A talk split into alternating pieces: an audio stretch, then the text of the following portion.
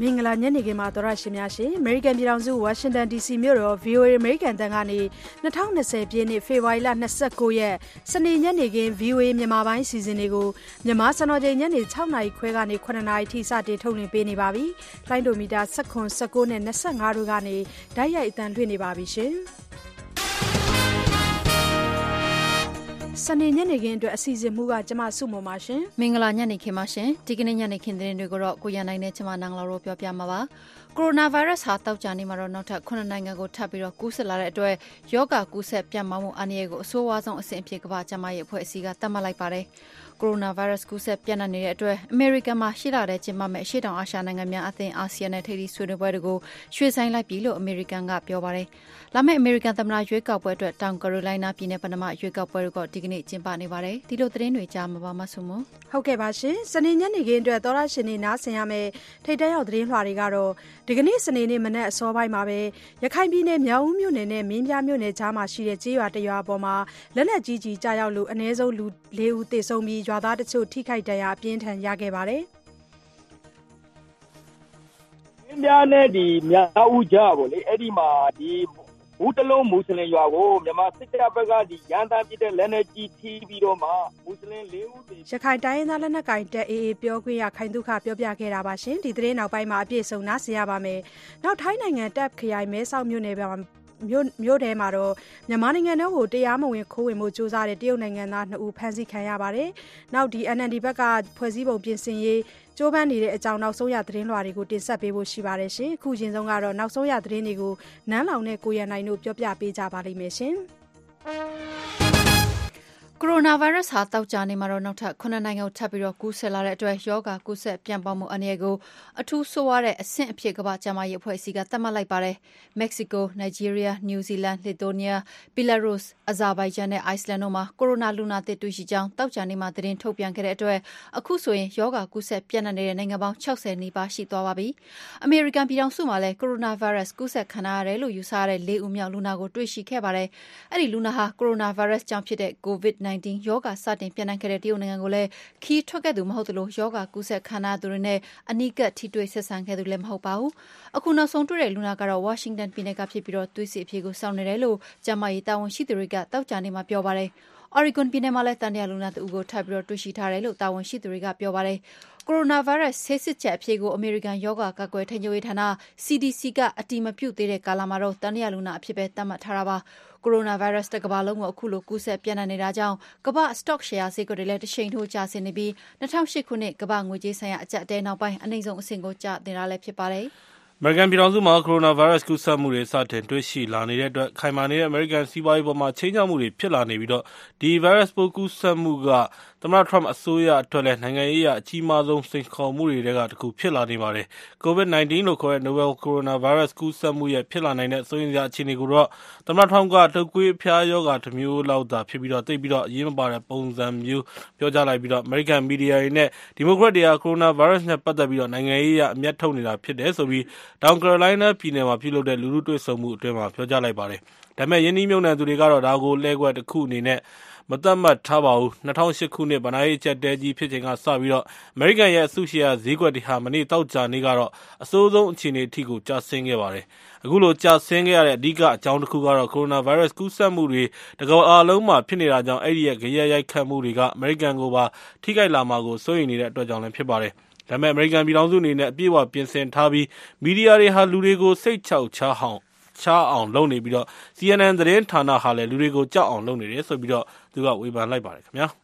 ကိုရိုနာဗိုင်းရပ်စ်ကူးစက်ပြန့်နှံ့နေတဲ့အတွက်အမေရိကန်နိုင်ငံ Las Vegas မှာရှေ့လထဲကျင်းပမယ့်အရှေ့တောင်အာရှနိုင်ငံများအသင်းအာဆီယံရဲ့ထိပ်သီးဆွေးနွေးပွဲကိုရွှေ့ဆိုင်းလိုက်ပြီလို့အမေရိကန်အဆင့်မြင့်အစိုးရအရာရှိတဦးနဲ့ဖိလစ်ပိုင်သံအမတ်တို့ကပြောပါတယ်။ပြီးခဲ့တဲ့နိုဝင်ဘာလထဲထိုင်းနိုင်ငံဘန်ကောက်မြို့တော်မှာကျင်းပခဲ့တဲ့ထိပ်သီးအစည်းအဝေးပွဲကိုအမေရိကန်သမ္မတ Donald Trump ကိုယ်တိုင်မသွားဘဲအဆင့်နိမ့်ကိုယ်စားလှယ်တယောက်ကိုသာစေလွှတ်ခဲ့ပြီးနောက်အာဆီယံခေါင်းဆောင်တွေကိုအမေရိကန်မှာအစည်းအဝေးကျင်းပဖို့ဖိတ်ကြားခဲ့တာလည်းဖြစ်ပါတယ်။နိုင်ငံတကာအသိုင်းအဝိုင်းကကိုရိုနာဗိုင်းရပ်စ်တိုက်ဖျက်ရေးကြိုးပမ်းနေချိန်မှာအာဆီယံမိတ်ဘက်တွေနဲ့တိုင်ပင်ဆွေးနွေးခဲ့ပြီးမှအခုလိုဆုံးဖြတ်ချက်ချခဲ့ရတာဖြစ်တယ်လို့လည်းအမေရိကန်အစိုးရအဆင့်မြင့်တာဝန်ရှိသူတွေကပြောပါတယ်။ဒေသတွေနဲ့ဒေသတွေနိုင်ငံတွေနဲ့ဆက်ဆံရေးကိုအမေရိကန်ကတံမိုးထားသလိုပဲလာမယ့်အနာဂတ်မှာဆွေးနွေးပွဲတွေဆက်ပြီးကျင်းပနိုင်ဖို့မျှော်လင့်နေပါတယ်လို့လည်းနာမည်မဖော်လို့တဲ့အဲဒီအမေရိကန်အရာရှိကပြောပါတယ်။သမ္မတအိမ်ဖြူတော်ဘက်ကတော့ဒီကိစ္စနဲ့ပတ်သက်ပြီးတရားဝင်ကြေညာချက်မထုတ်ပြန်သေးပါဘူး။ကိုရိုနာဗိုင်းရပ်စ်ပြန့်ပွားမှုအခြေအနေအရရကြောင့်အာဆီယံညီလာခံကိုရွှေ့ဆိုင်းကြောင်းအာဆီယံအဖွဲ့ဝင်နိုင်ငံသံအမတ်တွေကိုသမ္မတအိမ်ဖြူတော်ကတောက်ကြနေမှာအကြောင်းကြားခဲ့တယ်လို့လည်းအမေရိကန်ဆိုင်ရာဖိလစ်ပိုင်သံအမတ်ဟိုဆေးမန်နွယ်ရိုမာဒစ်ကပြောပါတယ်မြန်မာနိုင်ငံအပါအဝင်အာဆီယံဆယ်နိုင်ငံကခေါင်းဆောင်တွေအနေနဲ့ Las Vegas မြို့မှာမတ်လ14ရက်နေ့တွေ့ဆုံဖို့မူလကစီစဉ်ထားတာလည်းဖြစ်ပါတယ်။ ကိုရိုနာဗိုင်းရပ်စ်ရောဂါကူးစက်ပြန့်ပွားနေတာကတဖြည်းဖြည်းကြီးထွားလာနေတဲ့အတွက်အန္တရာယ်တစ်ခုဖြစ်ပေမဲ့အမေရိကန်နိုင်ငံရဲ့စီးပွားရေးကကောင်းမွန်တဲ့အနေအထားမှာရှိနေဆဲဖြစ်ကြောင်းအမေရိကန်ဗဟိုဘဏ်ဥက္ကဋ္ဌ Jerome Powell ကပြောလိုက်ပါတယ်။တောက်ချာနေကထုတ်ပြန်တဲ့ကြေညာချက်မှာအမေရိကန်ရဲ့စီးပွားရေးရဲ့အခြေခံအရင်းမြစ်တွေဟာအလုံးခိုင်မာတောင့်တင်းနေဆဲဖြစ်တယ်လို့ပြောသလိုကိုရိုနာဗိုင်းရပ်စ်နဲ့ပတ်သက်ပြီးဗဟိုဘဏ်အနေနဲ့အနီးကပ်စောင့်ကြည့်လေ့လာနေပြီးတော့အမေရိကန်တို့ရဲ့စီးပွားရေးကိုအထောက်အကူပြုဖို့နီလန်းအလုံးကိုတင့်တော်သလိုအသုံးပြုသွားမှာဖြစ်ကြောင်းဗဟိုဘဏ်ဥက္ကဋ္ဌ Powell ကပြောပါတယ်။ ဥက္ကဋ္ဌပါဝါရဲ့ပြောကြားချက်ဟာဘူဘန်အနေနဲ့အတိုးနှုံလျှော့ချဖို့အခိုင်အမာအချက်ပြလိုက်တာဖြစ်တယ်လို့လေ့လာသူတွေကတော့သုံးသပ်ကြပါတယ်။ မတ်လလယ်မှာကျင်းပမယ့် အစည်းအဝေးမှာ အတိုးနှုံလျှော့ချနိုင်တယ်လို့လည်းဆိုပါတယ်။အမေရိကန်ဘူဘန်က အခုလို ကြေညာချက်ထုတ်ပြန်ချိန်မှာပဲ ကမ္ဘာတဝန်း stock share ဈေးကွက်တွေကတော့တောက်ချာနေမှာ ဆက်ပြီးတော့ရှိန်တို့ကျဆင်းခဲ့ပါတယ်။ COVID-19 ကူးစက်ရောဂါဟာ ကမ္ဘာ့ကုန်စည်ထောက်ပို့ရေးကွန်ရက်ကို ဖရိုဖရဲဖြစ်စေတာကြောင့် စီးပွားရေးတိုးတက်မှု နှေးကွေးသွားမှာကို စိုးရိမ်နေတဲ့ ရင်းနှီးမြှုပ်နှံသူတွေကတော့ stock share တွေ ကတိုက်ကြရိုက် ရောင်းချနေကြလို့ အခုလို stock share ဈေးနှုန်းတွေ ကျဆင်းနေတာ ဖြစ်ပါတယ်ခင်ဗျာ။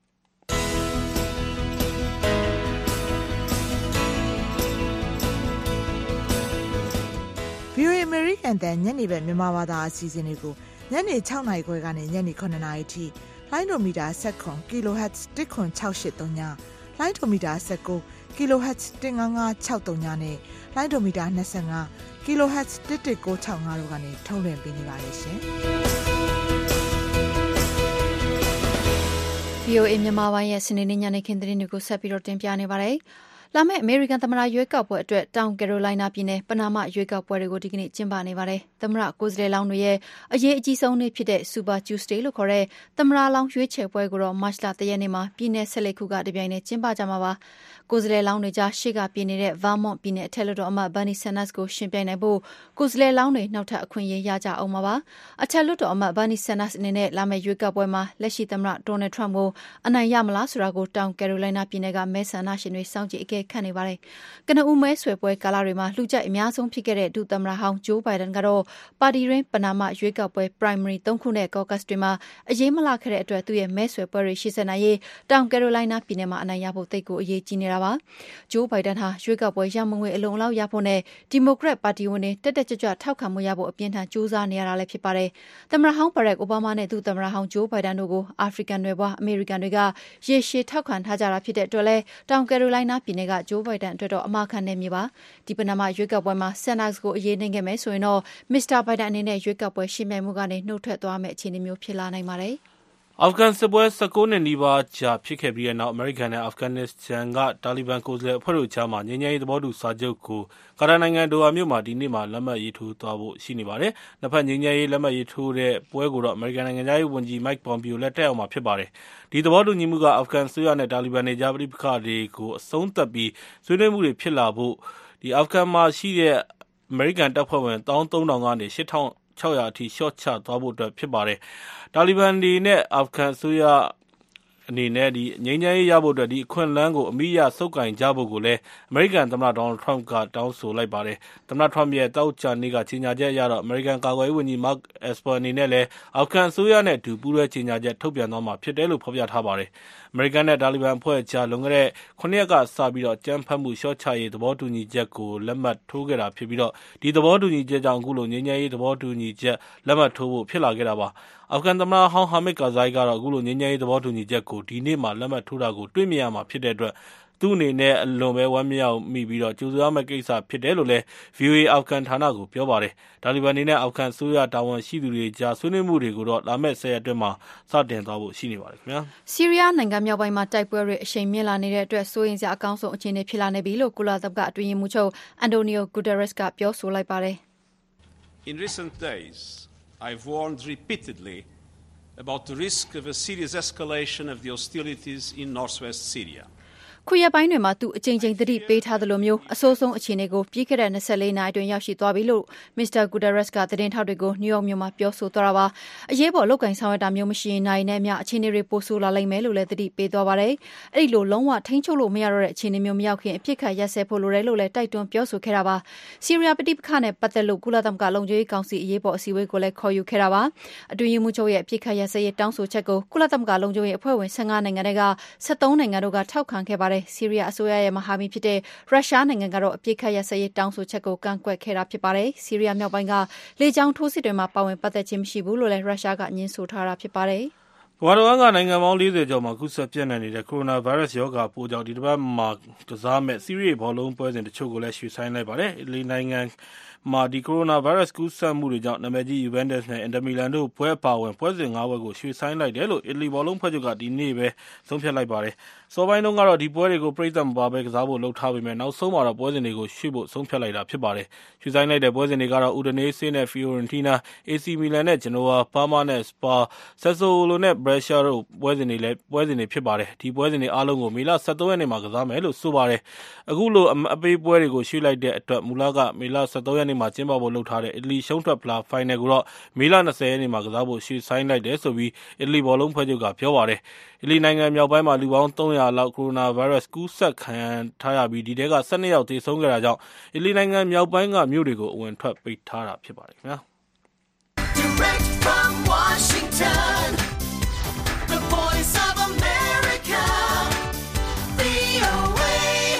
စနေညနေခင်းအတွက် နောက်ဆုံးသိထားတဲ့သတင်းတွေကို နန်းလောင်နဲ့ ကိုရန်နိုင်တို့ တင်ပြပေးခဲ့တာဖြစ်ပါတယ်ရှင်။ VOA ကနေအခုထုတ်လွှင့်ပေးနေတဲ့ ရေဒီယိုစီစဉ်တွေကို ထုတ်လွှင့်နေချိန်နဲ့ တပြိုင်နက်တည်း VOA ရဲ့ website စာမျက်နှာဖြစ်တဲ့ burmese.voanews.com နဲ့အတူ VOA မြန်မာပိုင်းရဲ့ Facebook လူမှုကွန်ရက်စာမျက်နှာမှာလည်း အချိန်နဲ့တပြေးညီ နားဆင်နိုင်ကြောင်းပါရှင်။အခု အရင်ဦးဆုံး စနေညနေခင်းအတွက် ထိတ်တန်းရောက် သတင်းလွှာတွေကို တင်ဆက်ပေးကြပါမယ်။ဒီကနေ့ စနေနေ့ မနက်ပိုင်း ရခိုင်ပြည်နယ် မြောက်ဦးမြို့နယ်နဲ့ မင်းပြားမြို့နယ်ကြားမှာရှိတဲ့ကျေးရွာတရွာအပေါ် လက်နက်ကြီးကျည်ကျရောက်လို့ အနည်းဆုံး လူလေးဦးသေဆုံးပြီး ရွာသားတချို့ ထိခိုက်ဒဏ်ရာ အပြင်းအထန်ရခဲ့သလို နေအိမ်တွေလည်း မီးလောင်ပျက်စီးသွားတယ်လို့ ရခိုင်ဒေသခံတွေက ပြောပါတယ်။ဒီရက်ပိုင်းတွေအတွင်း ချင်းပြည်နယ်နဲ့ ရခိုင်ပြည်နယ်တွင်း တိုက်ပွဲတွေ ပိုပြင်းထန်လာသလို စစ်ပြေးစစ်ရှောင်ဦးရေကလည်း တသိန်းတသောင်းကျော်အထိ ရှိလာနေပြီလို့ ကူညီကယ်ဆယ်ပေးနေသူတွေက ပြောပါတယ်။အပြည့်အစုံကို ဆက်သွယ်မေးမြန်းထားတာနားဆင်ပါရှင်။ ရခိုင်တိုင်းရင်းသားလက်နက်ကိုင်တပ် AA နဲ့ မြန်မာအစိုးရစစ်တပ်တို့ကြား တိုက်ပွဲတွေ အပြင်းအထန် ဖြစ်ပွားနေဆဲ အနေအထားမှာ ဒီကနေ့ ဖေဖော်ဝါရီလ ၂၉ ရက်နေ့စနေနေ့ မနက်ပိုင်းမှာ ရခိုင်ပြည်နယ် မြောက်ဦးမြို့နယ်နဲ့ မင်းပြားမြို့နယ်ကြား တိုက်ပွဲဖြစ်ပွားပြီး အနည်းဆုံး လူလေးဦး သေဆုံးခဲ့ရပြီး ရွာသားတချို့ ထိခိုက်ဒဏ်ရာ အပြင်းအထန် ရခဲ့သလို နေအိမ်တချို့လည်း မီးလောင်ပျက်စီးသွားတယ်လို့ ရခိုင်ဒေသခံတွေက ပြောပါတယ်။ ရခိုင်ပြည်နယ် မင်းပြားနဲ့ မြောက်ဦးမြို့နယ်ကြား ဖြစ်ပွားခဲ့တဲ့ တိုက်ပွဲနဲ့ ပတ်သက်ပြီး အရပ်သား ထိခိုက်သေဆုံးမှု အခြေအနေကို ရခိုင်တိုင်းရင်းသား လက်နက်ကိုင်တပ် AA ပြောခွင့်ရ ခိုင်သုခက VOA မြန်မာပိုင်းကို အခုလို ပြောပြပါတယ်။ ဒီမင်းပြားနဲ့ဒီမြောက်ဦးကြားပေါ့လေ အဲ့ဒီမှာဒီဘူးတလုံးမွတ်စလင်ရွာကို မြန်မာစစ်တပ်ဘက်ကဒီရန်တမ်းပြတဲ့ လက်နေကြီးထီးပြီးတော့မှမွတ်စလင် ၄ ဦးတည်ပြီးတော့ ၅ ဦးတန်ရာရတာ နောက်ဒီမြောင်းပွေရွာမှာလည်းပဲဒီဟိုအိမ်သုံးဆောင်မိလောင်သွားတယ်လို့ပြရတယ်ဟိုနောက်ထပ်လည်းပဲဒီအရသားတွေဒီထိခိုက်တန်ရာရတဲ့တဲ့တွေတော့ဟိုဆက်တိုက်ဟိုကြားနေရတယ်ဗျာဒါမဲ့လို့ အသေးစိတ်ကတော့ လောလောဆယ် ကျွန်တော်ကြည့်ရောက်မလားသိဟုတ်ကဲ့ ဒါဒီနေ့မနေ့ဖြစ်တာပေါ့နော်ဥခိုင်ဒုက္ခ ဟုတ်ကဲ့ ဒီနေ့မနေ့ဖြစ်တာဗျ အဲ့ဒီမှာဒီမြန်မာစစ်တပ်ဘက်ကနေပြီးတော့ဒီသူတို့ဘက်က အထီးအခဲအကြဆုံးတွေ များပြီဆိုလို့ရှိရင် အနီးနားက ရွာတွေကိုဒါရန်တမ်းပြီးတော့ပြစ်တဲ့အတွက်ကြောင့်မို့လို့ အခုလိုမျိုးဒါအရသားတွေ ထိခိုက်ဒေကျေတန်ရမှုတွေ ဖြစ်တာဗျ ရခိုင်ပြည်နယ် မြောက်မြို့နယ်တွေမှာ ဒီရက်ပိုင်းတွေမှာ တိုက်ပွဲတွေဇက်တိုက်ပြန်ဖြစ်ပွားလာနေပြီး စစ်ဘေးစစ်ရှောင်ပြည်သူတွေ ပို့ပြီးတော့များလာတယ်လို့ ရခိုင်စစ်ပြေးဒုက္ခသည်တွေကို ကူညီပေးနေတဲ့ ရခိုင်တိုင်းရင်းသားမျိုးနွယ်များ အစည်းအရုံး REC က အတွင်းမှုကိုစောစောထွန်းက အခြေအနေကို ပြောပြပါတယ် ဒီနေ့မနေ့စောစောကဖြစ်တာပါမနေ့6နာရီလောက်ကလေးကဒါဖြစ်တာပေါ့နော်ဒီ9နာရီခွဲလောက်အထိကိုတိုက်ပွဲတွေကဖြစ်နေခဲ့တယ်ပေါ့အဲသူကမြောက်ဦးနဲ့မင်းပြအကြားလောက်ကိုကြားတယ်အမရဲ့ကြေးရော်မှာအိမ်သုံးလုံးကမိန်လောင်တော့တာပေါ့နော်နောက်ပြီးတော့ဒဏ်ရာတဲ့သူကတစ်ပြေဝင်းကျလောက်ရှိတယ်အမရဲ့ ဒီဒေတာဘူးတနာဖမပြင်းထန်လာတာရှိတယ်အခုတခါအဲ့ဒီမြောက်ဦးနဲ့မင်းပြအစင်းနာမှာဖြစ်တာပေါ့ဒါပေမဲ့ဒီနေ့တပွဲဖြစ်တဲ့ခါကျတော့ဒီကားတော့လာတယ်အကုန်လုံးရဲဆိုင်တော့တယ်ပေါ့နော်ဒီအဝေးပြေးကလက်မကြီးပေါ်မှာလည်းပဲကားတွေလည်းမရှိတော့ဘူးအဲ့လိုဖြစ်တော့တဲ့အားတွေရှိတယ် အဲ့ဒီမြောက်ဦးနဲ့မင်းပြအကြမှာရှိနေတဲ့စခန်းတချို့မှာတော့အခက်အခဲတချို့တွေ့နိုင်တယ်ပေါ့နော်။ချင်းပြည်နယ်အပါအဝင်ရခိုင်ပြည်နယ်တွင်းကစစ်ဖြစ်ပွားနေတဲ့မြို့နယ်တွေမှာစစ်ရေးကပိုပြင်းထန်လာနေပြီးအစိုးရတပ်ဘက်ကနေလေကြောင်းတွေနဲ့ပါတိုက်စစ်ဆင်လာနေတယ်လို့ရခိုင်တပ်ပြောခွင့်ရခိုင်သုခကပြောပါတယ်။“ဒီရက်ပိုင်းမှာထိတွေ့မှုကပြင်းထန်တဲ့ဥစ္စာကတော့ ပလက်ဝဘက်မှာကတော့တိုက်ပွဲကတော့ဒီနေ့ဆိုလို့ရှိရင်တော့၂၃ရက်မြောက်ဖြစ်နေပြီပေါ့နော်။တိုက်ပွဲကတော့ဆက်တိုက်ဖြစ်နေတာ၂၃ရက်မြောက်ရှိပြီ။ပလက်ဝမြို့နယ်မီးချောင်းတံတားထိပ်ကမြန်မာစစ်တပ်ရဲ့လက်နက်ကြီးစခန်းမှာဖြစ်နေတာ။ဆိုတော့အဲဒီလက်နက်ကြီးစခန်းဝန်းကျင်ကိုသူတို့မြန်မာစစ်တပ်ဘက်ကနေပြီးတော့စစ်လက်နက်ပစ္စည်းတွေရိက္ခာတွေထောက်ပံ့ဖို့အတွက်သူတို့စစ်ကူတွေပို့ဖို့အတွက်ကြိုးစားနေတာရှိတယ်။အဲဒီမှာ မြန်မာစစ်တပ်ရဲ့စစ်ကြောင်းတွေနဲ့နေပြီးတော့မှကျနော်တို့ရခိုင့်တပ်တော်ရဲ့ဖြတ်တောက်ရေးစစ်ကြောင်းတွေကြားမှာတိုက်ပွဲတွေကတော့နေ့စဉ်ရက်ဆက်ဖြစ်နေတာ။အဲဒီမှာမြန်မာစစ်တပ်ဘက်ကနေပြီးတော့ဂျက်ဖိုက်တာတွေနောက်သူတို့တိုက်ခိုက်ရေးရဟတ်ယာဉ်ပေါ့နော်အဲဒီဥစ္စာတွေအသုံးပြုပြီးတော့မှသူတို့ဆက်တိုက်တိုက်ခိုက်နေတာပေါ့။တချို့နေ့တွေမှာဆိုလို့ရှိရင်မြန်မာစစ်တပ်ဘက်ကနေပြီးတော့ဂျက်လေယာဉ်၂စီး ရဟတ်ယာဉ်၄စီးအဲလိုမျိုးတပြိုင်နက်တည်းလာရောက်ပြီးတော့တိုက်ခိုက်တာတွေရှိတယ်ဗျ။သူတို့ဗုံးကြဲတာတွေရှိတယ်။နောက်ရော့ကက်တွေနဲ့ပစ်တာရှိတယ်။နောက်စက်သေနတ်ကြီးတွေနဲ့ပစ်တာပေါ့လေအပေါ်ကနေပြီးတော့မှ။ဒီရက်ပိုင်းမှာတော့သူတို့အတော်လေးပေါက်ကွဲအားပြင်းထန်တဲ့ဗုံးအကြီးစားမျိုးတွေကိုလာပြီးတော့ချတာလည်းရှိတယ်ဗျ။အခုဆိုရင်တော့ရခိုင်တပ်နဲ့မြန်မာစစ်တပ်တို့ကြားစစ်ရေးတင်းမာမှုတွေကြောင့်စစ်ရှောင်ဦးရေကဒီကနေ့အထိတသိန်းတသောင်းကျော်သွားပြီဖြစ်ပြီးဒီသိန်းချီတဲ့ဒုက္ခသည်တွေအတွက်သောက်သုံးရေ၊စားနပ်ရိက္ခာ၊အခြေခံဆေးဝါးနဲ့နေထိုင်ရေးကအတော်လေးဒုက္ခတွေ့နေကြရတယ်လို့လည်းရခိုင်ဒုက္ခသည်တွေကို ကူညီပေးနေသူ ကိုဇော်ဇော်ထွန်းက ပြောပါတယ်။“ကျနော်တို့ အကုန်လုံး တသိန်းနဲ့ တသောင်းနဲ့တသိန်းတသောင်းနဲ့၇ထောင်ကျော်ကျော်လောက်တော့ ရှိမယ်ပေါ့နော်။လောလောဆယ်မှာ အဓိက အခက်အခဲက ဘာရှိလဲဆိုတော့ ရေရှားပါး ပြတ်လာတဲ့ စခန်းတွေ ရှိနေတယ်ပေါ့နော်။ရှိနေတယ်။ဆိုတော့ ဒီရေရှားပါး ပြတ်တာနဲ့အတူတူ ကျန်းမာရေး ပြဿနာတချို့လည်း ရှိလာတယ်ပေါ့နော်။အထူးသဖြင့် ကလေးတွေမှာဆိုရင် အရေပြားရောဂါတွေ ဖြစ်လာတဲ့နေရာတွေရှိတယ်။နောက်ပြီးတော့မှ ဝမ်းလျှောတာလည်း ရှိလာနိုင်တယ်။အခုလို တိုက်ပွဲတွေ ဆက်ဖြစ်နေမယ်ဆိုလို့ရှိရင်တော့ စားနပ်ရိက္ခာတွေလည်းပဲ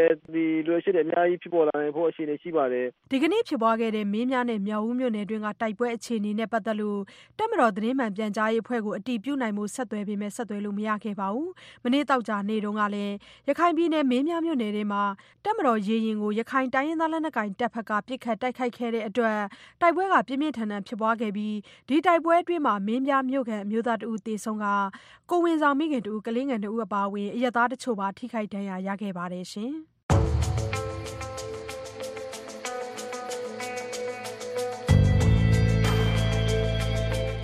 VOA မြန်မာပိုင်းရဲ့စနေညနေခင်းမြန်မာဘာသာအစီအစဉ်တွေကိုနားဆင်နေရတာဖြစ်ပါတယ်ရှင်။ဆက်ပြီးတော့ထိုင်းနိုင်ငံဘက်ကနေပြီးတော့မြန်မာဘက်ကိုခိုးဝင်မဲ့တရုတ်နိုင်ငံသားတချို့အဖမ်းခံရတဲ့သတင်းလွှာကိုတင်ဆက်ပေးကြပါမယ်။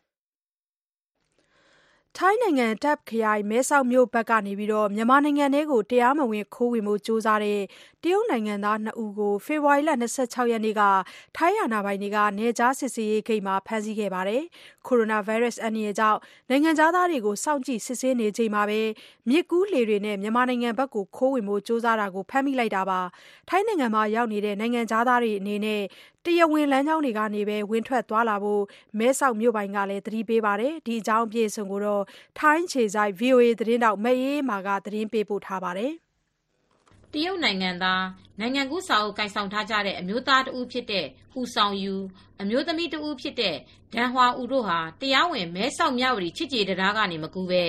လှေဂိတ်ကနေ မြစ်ဖြတ်ကူးပြီး မြန်မာနိုင်ငံတွင်းကို ဝင်ရောက်ဖို့ ကြိုးစားခဲ့ကြတာပါ။သူတို့ နှစ်ဦးကို ထိုင်းနယ်ခြားစောင့်တပ်412ကဖမ်းဆီးပြီး တရားမဝင် နယ်စပ်ဖြတ်ကျော်မှု ထိုင်း လဝက ဥပဒေနဲ့ အရေးယူမှာဖြစ်တယ်လို့ ဆိုပါတယ်။ဒီတရုတ်နိုင်ငံသား နှစ်ဦးကို အရေးမယူခင် မဲဆောက်စေယုံကြီးမှာ ကိုရိုနာဗိုင်းရပ်စ် ရောဂါပိုးရှိမရှိ ဆေးစစ်ဖို့ ပို့ဆောင်ခဲ့ပါတယ်။ဒီတရုတ်နိုင်ငံသား နှစ်ဦးဟာ တရားမဝင်လမ်းကနေ ဖြတ်ဖို့ ကြိုးစားခဲ့ပြီးတဲ့နောက် နိုင်ငံခြားသား ခရီးသွားတွေအနေနဲ့ တရားဝင်လမ်းကြောင်းကနေ ဝင်ထွက်သွားလာကြဖို့ မဲဆောက်မြို့ပိုင်ရုံးက သတင်းထုတ်ပြနခဲ့ပါတယ်။မဲဆောက်မြို့ပိုင်မစ္စတာချိုင်ဖွတ်ချင်ထန်ရက်နဲ့မြို့နယ်အာဏာပိုင်တွေကျန်းမာရေးအဖွဲ့ဝင်တွေရဲ့ COVID-19 ရောဂါပိုးကာကွယ်ရေးဆိုင်ရာအရေးပေါ်အစည်းအဝေးအပြီးမှာမဲဆောက်မြို့ပိုင်ကထိုင်းဘာသာနဲ့အခုလိုပြောဆိုခဲ့တာပါ။ให้คนต่างชาติที่เป็นจีนญี่ปุ่นเกาหลีหรือหลายๆประเทศไปข้ามช่องทางที่ถูกต้อง မဲဆောက်ကို လာလည်ကြတဲ့ တရုတ်၊ဂျပန်၊ကိုရီးယား စတဲ့ နိုင်ငံခြားသားတွေအနေနဲ့ အစိုးရသတ်မှတ်ပေးထားတဲ့ တရားဝင်လမ်းကြောင်းကနေ ဖြတ်သန်းသွားလာကြဖို့ လိုပါတယ်။ကိုရိုနာဗိုင်းရပ်စ် ရောဂါပိုး မပြန့်ပွားအောင် ထိုင်းအစိုးရက ကြိုးစားထိန်းချုပ်နေတဲ့အချိန်မှာ နိုင်ငံခြားသားတွေအနေနဲ့ ထိုင်းအစိုးရနဲ့အတူ ပူးပေါင်းဆောင်ရွက်ကြဖို့ လိုပါတယ်ဆိုပြီး ပြောဆိုသွားတာပါ။ထိုင်း-မြန်မာနယ်စပ် ကရင်ပြည်နယ် မြဝတီခရိုင် ရွှေကုက္ကိုဆိုတဲ့နေရာမှာ တရုတ်မြို့တော် တည်ဆောက်နေတာကြောင့် ပြီးခဲ့တဲ့ ၂၀၁၉ ခုနှစ်ကစလို့ တရုတ်နိုင်ငံသားအများအပြား ဝင်ရောက်မှုတွေ ရှိနေပါတယ်။ဒီအတွက် ထိုင်းမြန်မာနယ်စပ် မဲဆောက်မြို့မှာလည်း တရုတ်နိုင်ငံသားတွေ အများအပြား ဝင်ထွက်သွားလာနေတာပါ။တရုတ်နိုင်ငံသားတွေဟာ မဲဆောက်မြို့ကနေတဆင့် မြန်မာနိုင်ငံအတွင်းကို ခရီးဆက်နေကြသူတွေလည်း ရှိနေပါတယ်။ အလားတူ မြန်မာနိုင်ငံဘက်ကတဆင့် ထိုင်းဘက်ကို ကူးလာနေသူတွေလည်း ရှိနေတာပါ။တရားမဝင် လှေဂိတ်တွေက ကူးနေတာကြောင့် ထိန်းချုပ်ဖို့အတွက် ခက်ခဲတဲ့အကြောင်း မြန်မာပြည်ရေး ပူးတွဲလှုပ်ရှားမှုကော်မတီရဲ့ ဥက္ကဋ္ဌ ဦးမိုးကြိုးက အခုလိုပြောပါတယ်။“သူတို့နယ်နမိတ်ထဲကို တရားဝင် အမှတ် ၁ တံတား၊အမှတ် ၂ တံတားက ကူးလာတာ ပြဿနာမရှိပေမယ့်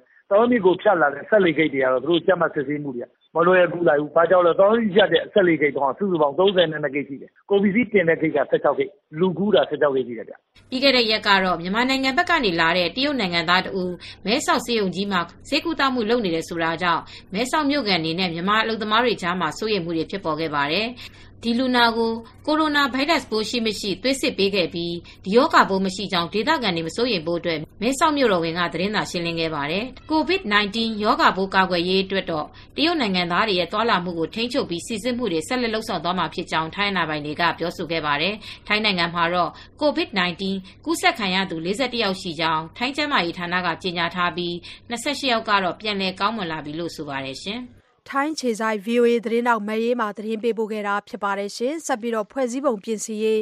NLD ပါတီဘက်ကကြိုးပမ်းနေတဲ့အကြောင်း နောက်ဆုံးရသတင်းကို တင်ပြပေးချင်ပါတယ်။ တိုင်းနဲ့ပြည်နယ်ဝန်ကြီးချုပ်တွေကို သက်ဆိုင်ရာ ပြည်နယ်တိုင်းလွှတ်တော်တွေကနေ မဲအများစုနဲ့ ရွေးချယ်နိုင်အောင် ဖွဲ့စည်းပုံအခြေခံဥပဒေပါ မူလပြဌာန်းချက်ကို ပြင်ဆင်ဖို့ဆိုရင် လွှတ်တော်တွင်း တပ်မတော်သား ကိုယ်စားလှယ်တွေ မရှိတော့တဲ့အချိန်မှသာ ပြင်ဆင်သင့်တယ်လို့ NLD ပါတီဘက်က ဆွေးနွေးတင်ပြပါတယ်။ဒီအပေါ် တိုင်းရင်းသားပါတီတွေဘက်က ဘယ်လို သဘောထားအမြင်ရှိကြပါသလဲ။ VOA သတင်းထောက် မမေခ စုစည်းတင်ပြထားပါ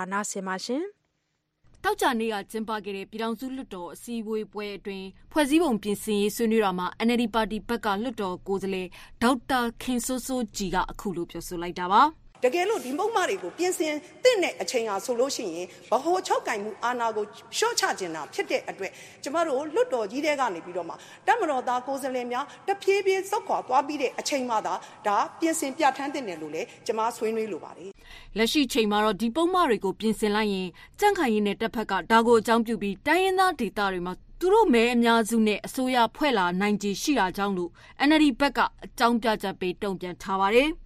ဒါဟာအဓိပ္ပါယ်မရှိတဲ့ဖြည့်ရှင်းချက်သာဖြစ်ပြီးဖက်ဒရယ်စနစ်သွားမယ်ဆိုတဲ့ကတိစကားကမှန်ကန်မှုရှိရဲ့လားလို့မေးခွန်းထုတ်လာသူကတော့ရှမ်းတိုင်းရင်းသားများဒီမိုကရေစီအဖွဲ့ချုပ်ကစိုင်းကျော်ညွန့်ပါဟိုဟိုဘောဒီမိုကရေစီကိုတွားမယ်လို့ကြွေးကြော်တဲ့ဖွဲ့စည်းတစ်ခုကတော့ဒီမိုကရေစီဆိုင်ချင်းဆိုင်ညွန့်တွေလည်းလေးစားလိုက်နာတင်တယ်ဗောလေနောက်ပြီးတော့ဒီ Federal ပြည်တော်စုဒီတောက်မယ်လို့လည်းပြောတယ်ဒီပုံစံတိုင်းမပြင်ချင်ဘူးဆိုရင်ဘယ်ပုံစံပြင်မလဲဆိုတော့သူတို့ရှင်းရှင်းလင်း ရေးထားရမှာအခုကပြင်ဆင်လည်းမပြင်ဆင်ထားဘူးဟောပြီးမှသာပြန်ပြောတယ်ဆိုတော့တိတ်တော့ဟောတိတ်တော့ပေါ့လန်းတော့မတည့်ဘူးဗျဒီ6တက်လို့လို့ဆိုဖက်ဒရယ်ဖြစ်တော့တာမဟုတ်ဘူးဖက်ဒရယ်ရဲ့အစိတ်ပိုင်းတေးသေးလေးတစ်ခုပဲဖြစ်တယ်အဲ့ဒီဟာလေးကိုတော့မှဟောပြင်ဆင်ဖို့မစင်းစားနိုင်ဘူးဆိုရင်နောက်ပိုင်းဆက်ဖြစ်မဲ့ကိစ္စဘယ်လိုယုံကြည်လို့ရမလဲဆိုရက်ဟိုစဉ်းစားချက်တော့ရှိတယ်ဗောလေကျွန်တော်ဘယ်လိုဆက်စဉ်းစားရမလဲပေါ့ ကချင်ပြည်နယ်ဒီမိုကရေစီပါတီကဒေါက်တာမနန်တူးဂျာကလည်းသူ့ရဲ့သဘောထားကိုအခုလိုပြောဆိုလိုက်ပါတယ်။ဆိုဒီဟာကိုကျွန်တော်ကဘာအကြောင်းပြချက်နဲ့မှဒါကိုခြံထားလို့မရပါဘူး။ဆက်တဲ့ဒီတော့သူသွားနေတဲ့အချိန်မှာဒီမိုကရေစီနဲ့တက်ဆိုင်တဲ့ဟာအားလုံးကတော့ဒါဒီမိုကရေစီရဲ့ကိုက်ညီအောင်ပြင်ရဒါအချင်းကိုဒီဆိုင်ထားလို့မရပါဘူး။ဟောကြောင်းပြဒီကြောင်းပြနေတာကိုဆိုင်ထားလို့မရပါဘူး။ဒါကျွန်တော်အမြင်ပါပဲ။ ဒါကိုသိချင်းကြည့်မှုလိုအပ်ပါတယ်။ရခိုင်မျိုးသားပါတီကမထုမေကလည်း Federal Democracy ပြည်ထောင်စုကိုဥတီပြင်ဆင်ဖို့ NLD ပါတီဘက်ကိုတိုက်တွန်းပြောဆိုသွားပါတယ်။ဒီ NLD ပြောတဲ့261ကိုပြင်လိုက်လို့ရှိရင်တော့ဒါတိုင်းရင်းသားဒေသတွေမှာနေပြီးတော့တမတော်နဲ့ဒီ USDP ပေါ့နော်အပူပေါင်းပြီးလို့ခါ government ဖွဲ့နိုင်တယ်ဆိုတော့သူရဲ့စိုးရင်ပူပန်မှုကိုတော့ကျမတို့မြင်ရတယ်ဒါပေမဲ့အဲ့ဒါလည်းပဲနေပြီးတော့ကျမတို့ကြော်လွှမ်းနိုင်မှာပါ အဓိက NLD အနေနဲ့အားထည့်သင့်တာကနေပြီးတော့25ရာခိုင်နှုန်းကိုကိုယ်စားလှယ်တွေနေပြီးတော့မူလတာဝန်ထမ်းဆောင်ဖို့ push လုပ်သင့်ပါတယ်။တွန်းသင့်ပါတယ်။ဒီလိုမတွန်းဘဲနဲ့261ကိုမပြင်ဆင်ဘူး။ဘာဖြစ်လို့လဲဆိုလို့ရှိရင်တိုင်းဒေသတွေကပြည်နယ်တွေမှာနေပြီးတော့သူတို့သက်ဆိုင်ရာပါတီတွေအနိုင်မရသေးဘူးဆိုတာလေကောင်းတဲ့အကြောင်းပြချက်လို့တော့မဟုတ်ဘူးရှင့်။တောက်ကြနေကပြည်အောင်စုလွှတ်တော်တွင်ဆွေးနွေးကြတာမှာဒီပုံမှန်261နဲ့ပတ်သက်တာအပြင်တက်မတော်နဲ့သက်ဆိုင်တဲ့ပုံမှန် နိုင်ငံတော်သမ္မတဒုသမ္မတတွေနဲ့သက်ဆိုင်တဲ့ပုဒ်မတွေကိုလည်းဆွေးနွေးခဲ့ကြပါတယ်ရှင်။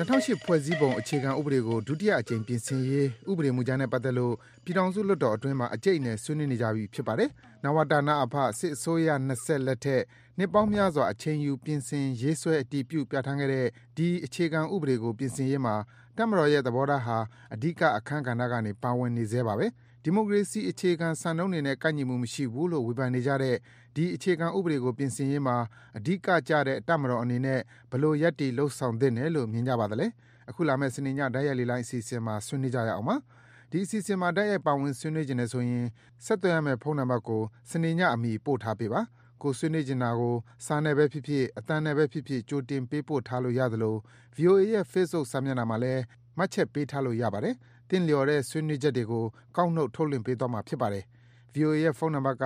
၁၂၀၂၃၈၂၅၅၅၄ ဖြစ်ပြီး အီးမေးလ်လိပ်စာက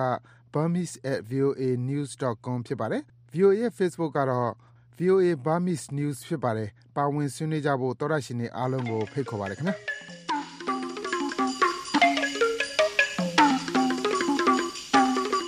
ဒီကနေ့စနေည9:00နာရီမှာထုတ်လွှင့်မယ့်ဓာတ်ရိုက်လေလိုက်အစီအစဉ်မှာပါဝင်ဆွေးနွေးကြဖို့သောရရှင်တွေကိုထပ်မံဖိတ်ခေါ်ပါရစေရှင်။ VOA ကနေ စနေညနေခင်း မြန်မာဘာသာ အစီအစဉ်တွေကိုည9:00နာရီထိ Washington DC မြို့တော်ကနေဓာတ်ရိုက်ထုတ်လွှင့်ပေးနေတာဖြစ်ပါတယ်ရှင်။နောက်2နာရီကြာည9:00နာရီကနေ10:00နာရီထိ ထုတ်လွှင့်ပေးမယ့် အစီအစဉ်တွေမှာတော့နောက်ဆုံးရ သတင်းတွေနဲ့အတူ ဒို့အတန်အစီအစဉ်နဲ့ စနေညဓာတ်ရိုက်လေလိုက်ဆွေးနွေးခန်းတွေကို တင်ဆက်ပေးဖို့ ရှိပါတယ်။ည9:00နာရီကနေ10:00နာရီထိ လှိုင်းဒိုမီတာ19 25 32နဲ့ လှိုင်းလက်မီတာ190တို့ကနေ ဖမ်းယူ နားဆင်နိုင်ပါတယ် အစီအစဉ်တွေမကြခင်အဆုံးသတ်တော့မှာပါနောက်ဆုံးကြံနေသေးတဲ့အချိန်မှာတော့နောက်ဆုံးရသတင်းချင်းချုပ်ကိုနန်းလောင်တလှည့်ပြောပြပေးပါအောင်ရှင်။ကိုရိုနာဗိုင်းရပ်စ်ဟာတောက်ကြနေမှာတော့နောက်ထပ်9နိုင်ငံကိုထပ်ပြီးတော့ကူးစက်လာတဲ့အတွက်ယောဂပြန့်ပေါက်မှုအန္တရာယ်ကိုအထူးဆိုးဝါးတဲ့အဆင့်အဖြစ်ကမ္ဘာ့ကျန်းမာရေးအဖွဲ့အစည်းကသတ်မှတ်လိုက်ပါတယ်။မက္ကဆီကို၊နိုင်ဂျီးရီးယား၊နယူးဇီလန်၊လစ်သူယေးနီးယား ဘီလာရုစ်၊အဇာဘိုင်ဂျန်နဲ့ အိုက်စ်လန်တို့မှာ ကိုရိုနာလူနာသစ်တွေ တွေ့ရှိကြောင်း သောကြာနေ့မှာ သတင်းထုတ်ပြန်ခဲ့တဲ့အတွက် အခုဆိုရင် ရောဂါကူးစက်ပျံ့နှံ့နေတဲ့ နိုင်ငံပေါင်း ၆၀ နီးပါး ရှိသွားပါပြီ။အမေရိကန်ပြည်ထောင်စုမှာလည်း ကိုရိုနာဗိုင်းရပ်စ် ကူးစက်ခံထားရတယ်လို့ ယူဆရတဲ့လေးဦးမြောက် လူနာကို တွေ့ရှိခဲ့ပါတယ်။အဲဒီလူနာဟာ ကိုရိုနာဗိုင်းရပ်စ်ကြောင့်ဖြစ်တဲ့ COVID-19 ရောဂါ စတင်ပျံ့နှံ့ခဲ့တဲ့ တရုတ်နိုင်ငံကိုလည်း ခရီးထွက်ခဲ့သူ မဟုတ်သလို ရောဂါကူးစက်ခံထားရသူတွေနဲ့ အနီးကပ် ထိတွေ့ဆက်ဆံခဲ့သူမျိုးလည်း မဟုတ်ပါဘူး။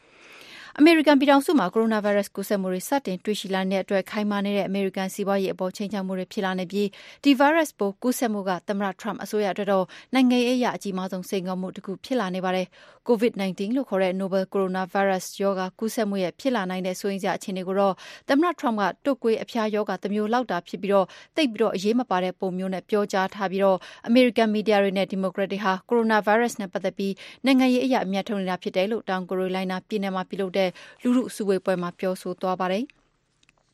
ကိုရိုနာဗိုင်းရပ်စ်ကူးစက်ပျံ့နှံ့နေတဲ့အတွက်အမေရိကန်နိုင်ငံ Las Vegas မှာရှေ့လထဲကျင်းပမယ့်အရှေ့တောင်အာရှနိုင်ငံများအသင်းအာဆီယံထိပ်သီးဆွေးနွေးပွဲတွေကိုရွှေ့ဆိုင်းလိုက်ပြီလို့အမေရိကန်အဆင့်မြင့်အစိုးရအရာရှိတဦးနဲ့ဖိလစ်ပိုင်သံအမတ်ကပြောပါတယ်။ပြီးခဲ့တဲ့နိုဝင်ဘာလထဲထိုင်းနိုင်ငံဘန်ကောက်မှာကျင်းပခဲ့တဲ့ထိပ်သီးစည်းဝေးပွဲကိုအမေရိကန်သမ္မတ Donald Trump ကိုယ်တိုင်မသွားဘဲအဆင့်နိမ့်ကိုယ်စားလှယ်တယောက်ကိုသာစေလွှတ်ခဲ့ပြီးတဲ့နောက်အာဆီယံခေါင်းဆောင်တွေကိုအမေရိကန်မှာအစည်းအဝေးကျင်းပဖို့ဖိတ်ကြားခဲ့တာလည်းဖြစ်ပါတယ်။နိုင်ငံတကာအသိုင်းအဝိုင်းကကိုရိုနာဗိုင်းရပ်စ်တိုက်ဖျက်ရေးကြိုးပမ်းနေချိန်မှာအာဆီယံမိတ်ဘက်တွေနဲ့တိုင်ပင်ပြီးခုလိုဆုံးဖြတ်ချက်ချခဲ့တာဖြစ်တယ်လို့လည်းအမေရိကန်အစိုးရအဆင့်မြင့်တာဝန်ရှိသူတွေကပြောပါတယ်။ စနေညနေခင်းအတွက်နောက်ဆုံးရသတင်းချင်းချုပ်ကိုနန်းလောင်ကကြေညာပေးခဲ့တာဖြစ်ပါတယ်ရှင်။ဒီညနေခင်းအတွက်အစီအစဉ်ထုတ်လုပ်ရေးမှုကကိုရန်နိုင်ဖြစ်ပါတယ်။စက်ပိုင်းဆိုင်ရာအတံဖန်အင်ဂျင်နီယာကတော့ Patrick Deer ဖြစ်ပါတယ်ရှင်။ကျွန်မကဆုမမှာဒီညနေခင်းအစီအစဉ်တွေကိုတာဝန်ယူတင်ဆက်ပေးခဲ့တာဖြစ်ပါတယ်။ညနေဘက်မြန်မာဘာသာအစီအစဉ်တွေကိုမြန်မာစံတော်ချိန်ညနေ6နာရီခွဲကနေ9နာရီထိထုတ်လွှင့်ပေးခဲ့တာဖြစ်ပါတယ်ရှင်။ညနေခင်းအစီအစဉ်ဒီမှာပဲအဆုံးသတ်ပါမယ်။နောက်ည9နာရီကြာရင်တခါထပ်ပြီးတော့ထုတ်လွှင့်ပေးမယ့်အစီအစဉ်မှာပြန်ပြီးတော့ဆုံကြရအောင်ပါရှင်။